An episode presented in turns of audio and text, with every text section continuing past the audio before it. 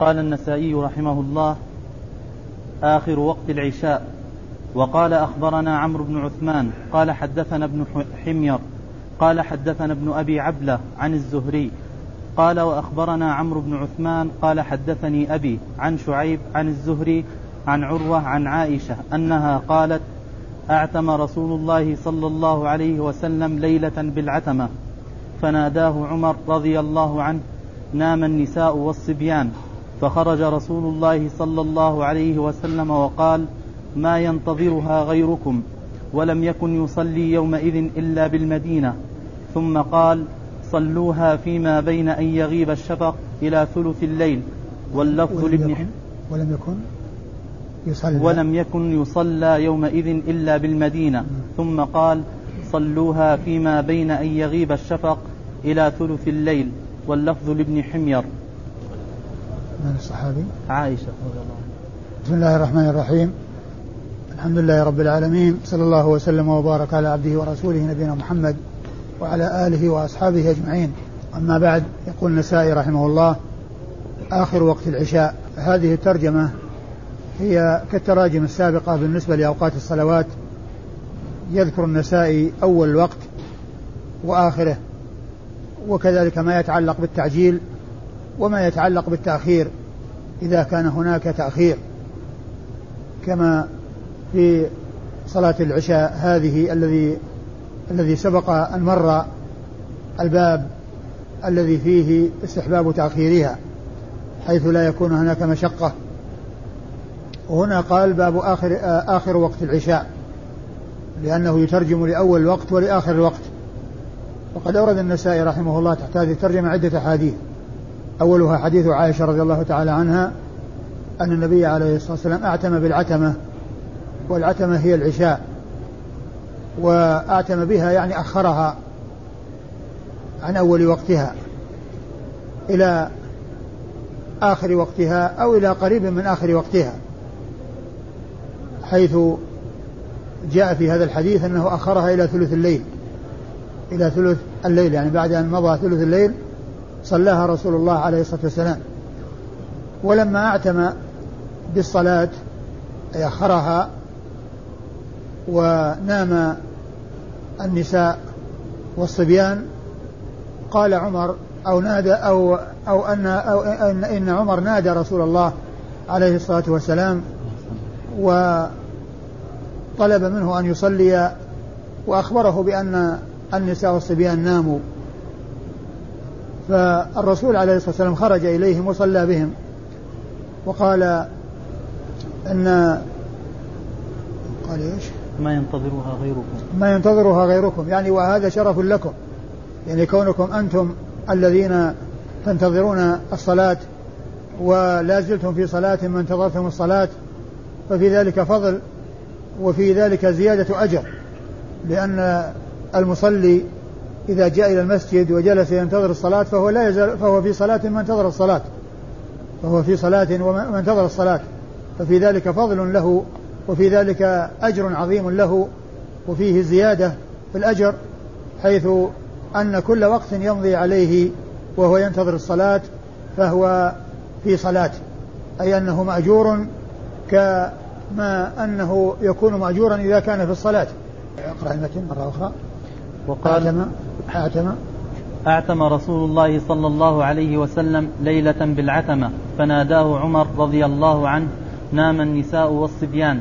فخرج قوله نام النساء والصبيان آه، يحتمل أن يكون المراد أنهم كانوا موجودين في المسجد ويحتمل أن يكونوا في البيوت. ومن المعلوم أنه قد جاء في بعض الأحاديث أن النبي عليه الصلاة والسلام كان يدخل في الصلاة يريد أن يطول بها ثم يسمع بكاء الصبي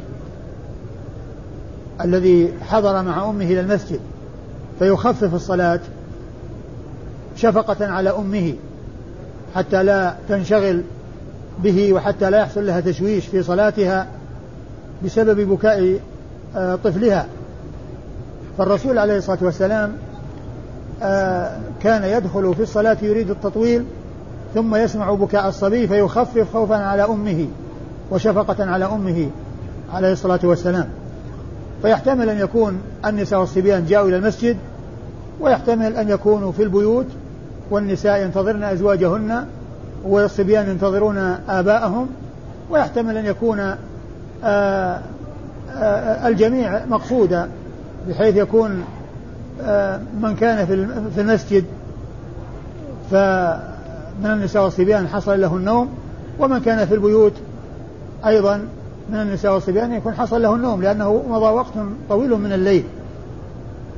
قال نام النساء والصبيان. يعني هذا هو تعليل أو يريد من الرسول صلى الله عليه وسلم أن أن تحصل منه الصلاة لأنه قد حصل حصل النوم للنساء والصبيان. بل قد جاء في بعض الأحاديث أن أن الرسول صلى الله عليه وسلم لما أخر الصلاة قال في الحديث نمنا ثم قمنا ثم نمنا ثم قمنا. يعني أنه يحصل حتى من الكبار أن يحصل لهم النوم وهم ينتظرون الصلاة. أيوة. نعم النساء والصبيان فخرج رسول الله صلى الله عليه وسلم وقال ما ينتظرها غيركم ولم يكن يصلى يومئذ إلا بالمدينة.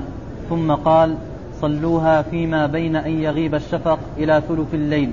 ثم أرشد عليه الصلاة والسلام إلى وقتها فقال صلوها فيما بين أن يغيب الشفق الذي هو بداية وقت صلاة العشاء إلى ثلث الليل. وقد جاء في أحاديث أخرى صحيحة أن وقت صلاة العشاء يمتد إلى نصف الليل. يمتد إلى نصف الليل.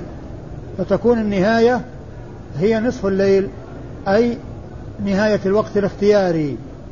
أما الوقت الاضطراري فإنه يستمر بعد نصف الليل إلى طلوع الفجر. أي الإسناد. عمرو بن عثمان. يقول النسائي أخبرنا عمرو بن عثمان. أخبرنا عمرو بن عثمان. من يروي عنه؟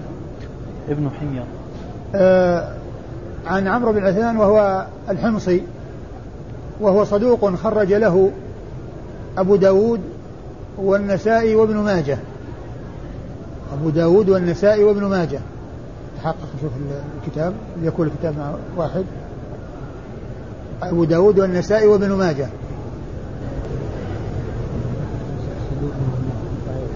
صدوق من أبو داود والنسائي وابن ماجه؟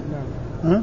أبو داود والنسائي إيه، صدوق أخرج له أبو داود والنسائي وابن ماجه. عن محمد عن ابن حمير؟ نعم. نعم. ابن حمير. إيه وهو محمد. اسمه محمد. وهو أيضا صدوق. خرج له البخاري وأبو داود في المراسيل والنسائي. خرج له البخاري في صحيحه وأبو داود في كتاب المراسيل والنسائي. نعم. عن ابن أبي عبلة. عن ابن أبي عبلة وهو شمر ابن يقظان. ابن أبي عبلة الشامي وهو ثقة خرج له أصحاب الكتب الستة إلا الترمذي. خرج له أصحاب الكتب الستة إلا الترمذي. شمر ابن يقظان ابن أبي عبلة. عن الزهري. عن الزهري وهو محمد بن مسلم ابن عبيد الله بن عبد الله ابن ابن شهاب ابن عبد الله بن الحارث بن زهرة ابن كلاب مشهور بنسبته إلى جده زهرة بن كلاب. أخو قصي بن كلاب. يلتقي نسبه مع نسب الرسول صلى الله عليه وسلم بكلاب. وقصي وزهرة أخوان. فهو ينسب إلى جده زهرة بن كلاب. فيقال له زهري ويقال له ابن شهاب. نسبة إلى جده شهاب. وهو مشهور بهاتين النسبتين. إلى جده زهرة وإلى جده كلاب. وهو إمام محدث فقيه آه، مكثر من رواية من رواية حديث رسول الله عليه الصلاة والسلام وحديثه أخرجه أصحاب الكتب الستة. قال وأخبرنا عمرو بن عثمان. قال وأخبرنا عمرو بن عثمان هذه طريقة أخرى وإسناد آخر. وعمرو بن عثمان هو شيخه في الإسناد الأول. وشيخ شيخه من؟ آه أبي عن أبي. قال حدثنا أبي. وهو عثمان بن سعيد ابن كثير آه وهو ثقة عابد خرج له أبو داود والنسائي وابن ماجه. يعني مثل ابنه. يعني مثل الذين الذين رووا عنه هم الذين رووا عن ابنه عمرو بن عثمان. أيوه. عن شعيب. عن شعيب ابن أبي حمزة. شعيب ابن أبي حمزة الحمصي. وهو ثقة ثبت أخرج له أصحاب الكتب الستة. عن الزهري. عن عن الزهري. عن الزهري وهنا يلتقي الإسنادان. يعني بالزهري يلتقي الإسنادان. بعدين عن عروة. عن عروة ابن الزبير ابن العوام وهو أحد الفقهاء السبعة في المدينة المشهورين في عصر الثالثة وأصحاب الكتب الستة ثقة خرج حديثه أصحاب الكتب الستة. والفقهاء السبعة في المدينة هم عبيد الله بن عبد الله بن عتبة بن مسعود وعروة بن الزبير هذا والقاسم بن محمد بن أبي بكر الصديق وسليمان بن يسار وسعيد بن المسيب وخارجة بن زيد وأبو بكر بن عبد الرحمن بن الحارث بن هشام أو أبو سلمة بن عبد الرحمن بن عوف أو سالم بن عبد الله بن عمر. السابع فيه ثلاث أقوال والستة الأولون متفق على عدهم في الوقاية السبعة وإنما الخلاف في السابع. وعروة بن الزبير الذي معنا هذا هو أحد هؤلاء الفقهاء السبعة. وقد ذكر ابن القيم في كتابه إعلام الموقعين في أوله المعروفون العلماء المعروفين بالفقه والذين يرجع إليهم بالفتوى في البلاد المختلفة في عصر الصحابة والتابعين ومن بعدهم. فإنه ذكر في أول ذلك الكتاب آه الفقهاء البارزين في البلاد المختلفة والذين يرجع إليهم في الفقه ويستفتون في أمور الدين. ولما جاء عند ذكر المدينة وجاء إلى عصر التابعين ذكر أن من الفقهاء فيها في عصر التابعين هؤلاء الفقهاء السبعة الذين اشتهروا بهذا الوصف ويأتي ذكرهم بهذا الوصف في بعض المسائل فيقال هذه مسألة قال بها الأئمة الأربعة والفقهاء السبعة. الأئمة الأربعة يعني أبو حنيفة ومالك والشافعي وأحمد والفقهاء السبعة الذين هم هؤلاء. وقد ذكر ابن القيم بيتين من الشعر اشتمل البيت الثاني على هؤلاء السبعة حيث قال إذا قيل من في العلم سبعة أبحر روايتهم ليست عن العلم خارجة فقل هم عبيد الله عروة قاسم سعيد أبو بكر سليمان خارجة. فذكر أسماءهم في البيت الثاني وعد السابع أبو بكر بن عبد الرحمن. ابن الحارث بن هشام. وهذا كما ذكرت أحد الأقوال الثلاثة في السابع منهم. فمن العلماء من جعل السابع أبو بكر بن عبد الرحمن بن الحارث بن هشام ومنهم من جعل السابع آآ آآ أبو سلمة بن عبد الرحمن بن عوف ومنهم من جعل السابع سالم بن عبد الله بن عمر. وقد ذكر ذلك العلماء في المصطلح يعني هؤلاء الفقهاء نصوا عليهم المصطلح وقد ذكرهم ابن الصلاح في مقدمته. وذكر الفقهاء السبعة والمتفق والمختلف فيهم وكذلك ذكره غيره ذكرهم غيره وهم قد اشتهروا بهذا الوصف الذي هو الفقهاء السبعة. وعروة بن الزبير يروي عن خالته عائشة أم المؤمنين رضي الله تعالى عنها رضي الله عنها وأرضاها الصديقة بنت الصديق التي روت الحديث الكثير عن رسول الله عليه الصلاة والسلام بل هي المرأة من الصحابة التي روت الحديث الكثير عن رسول الله صلى الله عليه وسلم وجعلوها أو عدوها ضمن السبعة المكثرين من رواية الحديث عن رسول الله صلى الله عليه وسلم. وهم الذين جمعهم السيوطي في ألفيته حيث قال والمكثرون في رواية الأثر أبو هريرة يليه بن عمر وأنس والبحر كالخدري وجابر وزوجة النبي فزوجة النبي المقصود بها عائشة رضي الله تعالى عنها وأرضاها. سبعة من أصحاب الرسول صلى الله عليه وسلم ستة من الرجال وواحد من واحدة من النساء زادت أحاديثهم على ألف حديث.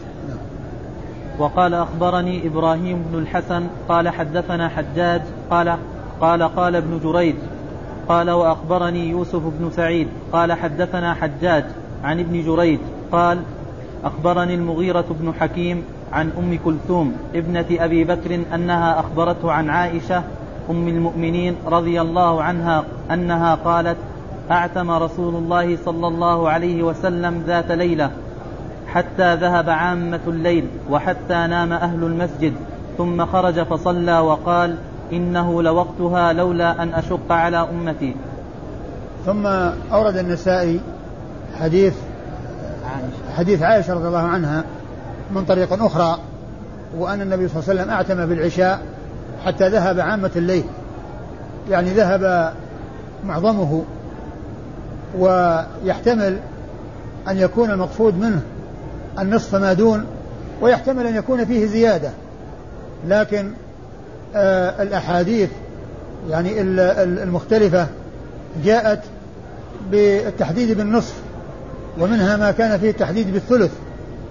وحديث عائشة رضي الله عنها جاء في بعض الروايات وهي الرواية المتقدمة أنه إلى ثلث الليل أنه إلى ثلث الليل وهنا قال عامة الليل. فيكون الحد الذي ثبت هو النصف الذي ثبت بالنص هو النصف. فيحمل أن يكون عامته يعني الكثير منه ويحتمل أن يكون فيه زيادة لكن الحديث روي بألفاظ مختلفة وفي بعض الألفاظ التنصيص على الزمن وأنه الثلث وهي الرواية السابقة التي قبل هذه. وإذا فالحديث دال على ما ترجم له من تأخير صلاة العشاء وأن الرسول صلى الله عليه وسلم أخرها وكان يحب يستحب تأخيرها لولا ما يخشاه من المشقة على أمته لولا ما يخشاه صلوات الله وسلامه وبركاته عليه من المشقة على أمته. أيوه. الإسناد إبراهيم بن الحسن. أخبرنا إبراهيم بن الحسن وهو أبو الحسن المصيصي. أبو الحسن المصيصي وهو ثقة ذكرت في الدرس الماضي أنه خرج له أبو داود والنسائي وابن ماجه في التفسير. وهكذا هو موجود في النسخة المصرية لكن الموجود في تهذيب الكمال ذكر أبي داود والنسائي. وصاحب تهذيب الكمال ينص على على من خرج لهم بالأسماء. ولم يذكر فيه ابن ماجه في التفسير. ولم يذكر فيه ابن ماجه التفسير.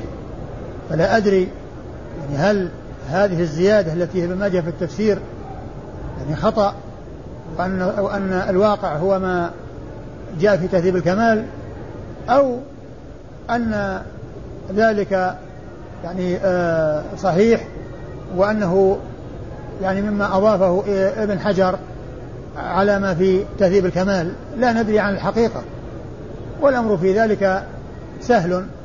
الكتب الستة آه ابن ماجه لم يروي له وإنما آه، الشأن هل روى عنه في كتاب التفسير أو لم يروي عنه. أما في السنن فإنه لم يروي عنه. أما في السنن فإنه أي ابن ماجه لم يخرج له شيئا الذي هو إبراهيم ابن الحسن المصيصي أبو الحسن. وكنيته توافق اسم أبيه وهذا من أنواع علوم الحديث. التي سبق أن نبهت بها فيها على أن معرفة ذلك لها له فائدة وهي دفع توهم التصحيف فيما إذا ذكر بنسبه فيقال ابن أو ذكر في كنيته فيقال أبو لأنه صواب سواء قيل إبراهيم أبو الحسن أو قيل إبراهيم بن الحسن. الكنية توافق اسم الأب. فهذا نوع من أنواع علوم الحديث فائدته فائدة معرفته دفع توهم التصحيف بأن أبو مصحف عن ابن أو ابن مصحف عن أبو. أيوه. قال حدثنا حجاج.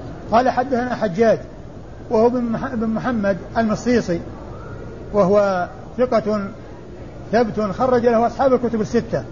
قال قال قال, قال ابن جريج. قال قال ابن جريج وابن جريج هو عبد الملك بن عبد العزيز ابن جريج المكي وهو ثقة فقيه يرسل ويدلس. وخرج حديثه أصحاب الكتب الستة. قال وأخبرني يوسف بن سعيد. قال وأخبرني يوسف بن سعيد وهو أيضا مصيصي وهو ثقة حافظ. خرج حديثه النسائي وحده. خرج حديثه النسائي وحده. أيوه. قال حدثنا حجاج. قال حدثنا حجاجها الذي في, في الطريق الأولى حجاج بن محمد المصيصي عن ابن جريج. عن ابن جريج؟ نعم. المغيرة بن حكيم, بن حكيم. عن المغيرة بن حكيم. عن المغيرة ابن حكيم. إيش قال فيه المغيرة بن حكيم؟ ثقة خرج له من؟ مسلم وأبو داود والنسائي. المغيرة بن حكيم الصنعاني. ها؟ المغيرة بن حكيم الصنعاني ثقة. من الرابع البخاري تعليقا ومسلم والترمذي من هو؟ مسلم؟ البخاري تعليقا. البخاري تعليقا؟ ومسلم والترمذي نعم خرج له البخاري تعليقا ومسلم والترمذي والنسائي. ومسلم والترمذي والنسائي. أيوه. عن أم كلثوم. عن أم كلثوم بنت أبي بكر الصديق رضي الله تعالى عنه. وقيل في عنها أنه توفي أبوها وهي حمل يعني وهي في, وهي في بطن أمها. أم كلثوم بنت أبي بكر الصديق توفي أبوها وهي حمل وهي ثقة خرج حديثها البخاري في الأدب المفرد ومسلم وأبو داود والنسائي شوف تأكد منه في آخر الكتاب في الكنى. البخاري في الأدب المفرد وأبو داود والترمذي والنسائي. كل النساء. كل النساء في آخر أم أم فلان. توفي أبو ثقة من الثاني البخاري في الأدب المفرد ومسلم والنسائي وابن ماجه والنسائي وابن ماجه البخاري في الأدب المفرد ومسلم والنسائي وابن ماجه. أيوه. عن عائشة. عن عائشة أم المؤمنين رضي الله عنها وأرضاها وقد مر ذكرها في الإسناد الذي قبل هذا. أيوه بعده. وقال أخبرنا إسحاق بن إبراهيم قال أنبأنا جرير عن منصور عن الحكم عن نافع عن ابن عمر أنه قال مكثنا ذات ليلة ننتظر رسول الله صلى الله عليه وسلم لعشاء الآخرة فخرج علينا حين ذهب ثلث الليل أو بعده فقال حين خرج إنكم تنتظرون صلاة ما ينتظرها أهل دين غيركم ولولا أن يثقل على أمتي لصليت بهم هذه الساعة. ثم أمر المؤذن فأقام ثم صلى. ثم أورد النسائي رحمه الله حديث عبد الله بن عمر رضي الله تعالى عنهما وهو بمعنى حديث عائشة المتقدم الرسول صلى الله عليه وسلم أخر صلاة العشاء آه ليلة حتى ذهب ثلث الليل أو بعده ثم خرج إليهم وقال ما ينتظرها أحد سواكم وأمر المؤذن فأقام ثم صلى بالناس صلوات الله وسلامه وبركاته عليه فهو دال على تأخير صلاة العشاء ولكن آخر الوقت آه المختار ليس هو الثلث بل هو النصف. إلى النصف وإسناد الحديث. أخبرنا أخبرنا إسحاق بن إبراهيم. ابن مخلد المشهور بالراهوية وهو ثقة ثبت فقيه محدث وصف بأنه أمير المؤمنين في الحديث. هو من القلائل الذين وصفوا بهذا الوصف وقد خرج حديثه أصحاب الكتب الستة إلا ابن ماجه. خرج حديثه أصحاب الكتب الستة إلا ابن ماجه فإنه لم يخرج له شيئا. قال أنبأنا جرير. قال أخبرني جرير أخبرنا جرير وهو ابن عبد الحميد الضبي وهو ثقة خرج حديثه أصحاب الكتب الستة. عن منصور. عن منصور وهو ابن المعتمر وهو ثقة حديثه عند أصحاب الكتب الستة. عن, عن الحكم وهو ابن عتيبة. وهو ثقة حديثه عند أصحاب الكتب الستة أيضا. عن نافع وهو مولى بن عمر وهو ثقة حديثه عند أصحاب الكتب الستة. عن ابن عمر. عن ابن عمر وهو صاحب رسول الله صلى الله عليه وسلم وأحد العباد له الأربعة وأحد السبعة المكثرين من رواية الحديث عن رسول الله صلوات الله وسلامه وبركاته عليه وحديثه عند أصحاب الكتب الستة. وقال أخبرنا عمران بن موسى قال وإذا فهؤلاء الذين هم رواة هذا الإسناد كلهم خرج حديثهم أصحاب الكتب الستة إلا شيخ النسائي إسحاق بن راهوية فإنه لم يخرج له ابن ماجه. وأما الباقون فكلهم خرج لهم في الكتب الستة. وقال أخبرنا عمران بن موسى قال حدثنا عبد الوارث قال حدثنا داود عن أبي نضرة عن أبي سعيد الخدري أنه قال صلى بنا رسول الله صلى الله عليه وسلم صلاة المغرب ثم لم يخرج إلينا حتى ذهب شطر الليل فخرج فصلى بهم ثم قال إن الناس قد صلوا إن الناس قد صلوا وناموا إن الناس قد صلوا وناموا وأنتم لم تزالوا في صلاة ما انتظرتم الصلاة ولولا ضعف الضعيف وسقم السقيم لأمرت بهذه الصلاة أن تؤخر إلى شطر الليل. ثم ورد النسائي حديث أبي سعيد الخدري رضي الله عنه وهو بمعنى ما تقدم من الأحاديث وأن الرسول صلى الله عليه وسلم تأخر وخرج إليهم وقال أن أنه لولا سوق مستقيم وضعف ضعف الضعيف لا آه، أمرت أن تصلى هذه الصلاة هذه الساعة أو أو إلى شطر الليل؟ حتى ذهب شطر الليل. ها؟ إلى شطر الليل. يعني إلى إلى شطر الليل يعني إلى نصفه. فهو بمعنى الأحاديث المتقدمة وهو دال على ما ترجم له النسائي. أيوه. يقول في الإسناد؟ أخبرنا عمران بن أعد, أعد المتن. قال عن أبي سعيد الخدري أنه قال صلى بنا رسول الله صلى الله عليه وسلم صلاة المغرب ثم لم يخرج إلينا حتى ذهب شطر الليل. فخرج فصلى بهم ثم قال إن الناس قد صلوا وناموا وأنتم لم تزالوا في صلاة ما انتظرتم الصلاة ولولا ضعف الضعيف وسقم السقيم لأمرت بهذه الصلاة أن تؤخر إلى شطر الليل. نعم. المتن الإسناد؟ أخبرنا عمران بن موسى. أخبرنا عمران بن موسى وهو الفزاري البصري وهو ثقة ولا صدوق؟ شوف عمران بن موسى الفزاري بعد عمر. وجدت عمران عمران بن هو عمرو البصري صدوق. صدوق. صدوق. خرج له. هو عمران بن موسى عندك؟ عمران بن موسى القزاز أيوه الفزاري. ابو عمرو البصري صدوق مات بعد الأربعين الترمذي والنسائي وابن ماجه. الترمذي؟ والنسائي وابن ماجه. هو صدوق خرج له الترمذي والنسائي وابن ماجه. لم يخرج له أبو داود ولا الشيخان البخاري ومسلم. صدوق خرج له أبو الترمذي والنسائي وابن ماجه. لم يخرج له البخاري ومسلم ولا أبو داود. عن؟ عبد الوارث. عن عبد الوارث هو بن سعيد. عبد الوارث بن سعيد وهو ثقة ثبت خرج حديثه أصحاب الكتب الستة. عن داود.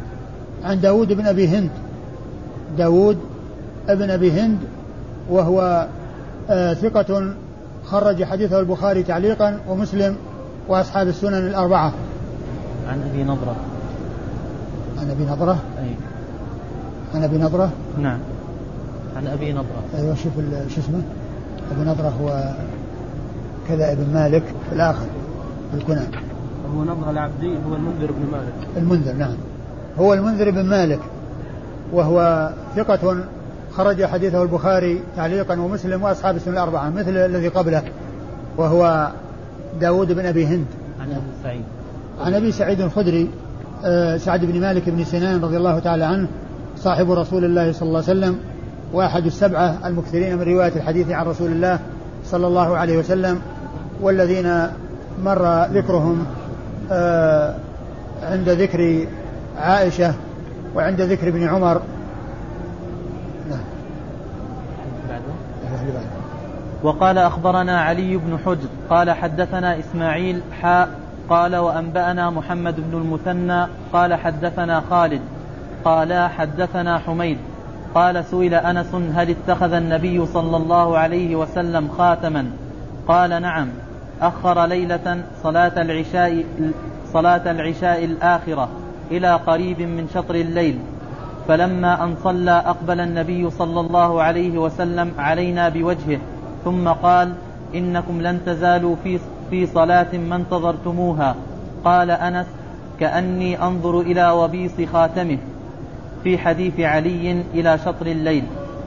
ثم أورد النسائي حديث آه، حديث من؟ أنس.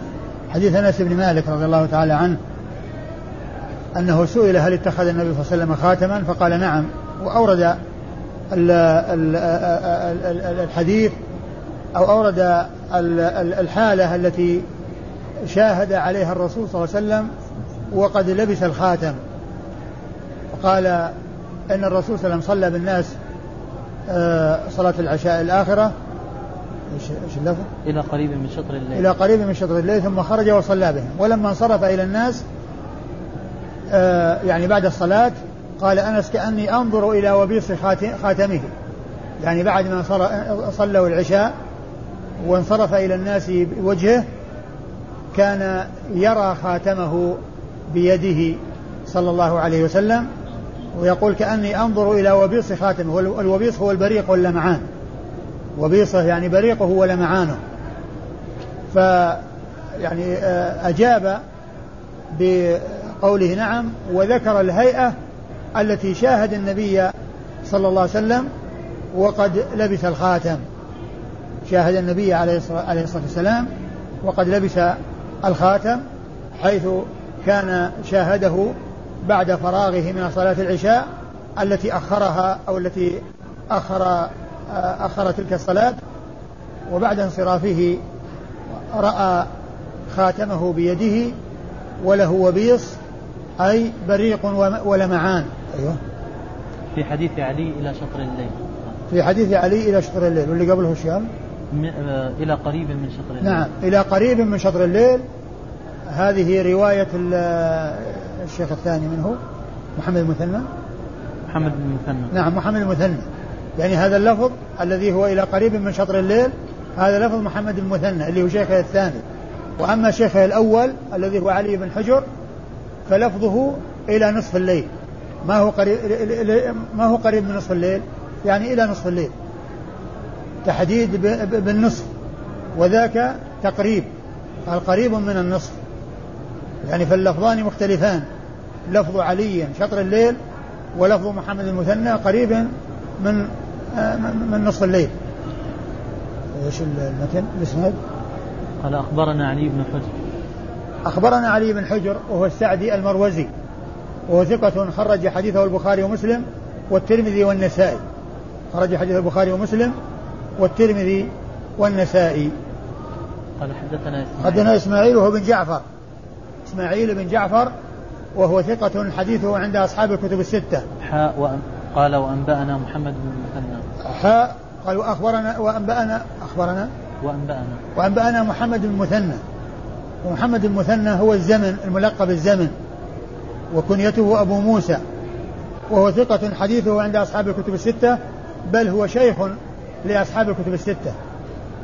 وسبق أن ذكرت أن ثلاثة من آه، المحدثين آه، وهم محمد المثنى ومحمد بن بشار ويعقوب بن إبراهيم الدورقي. هؤلاء شيوخ لأصحاب الكتب الستة وكانت وفاة الثلاثة جميعا في سنة واحدة وهي سنة 52 و200 أي قبل وفاة البخاري آه، بأربع سنوات.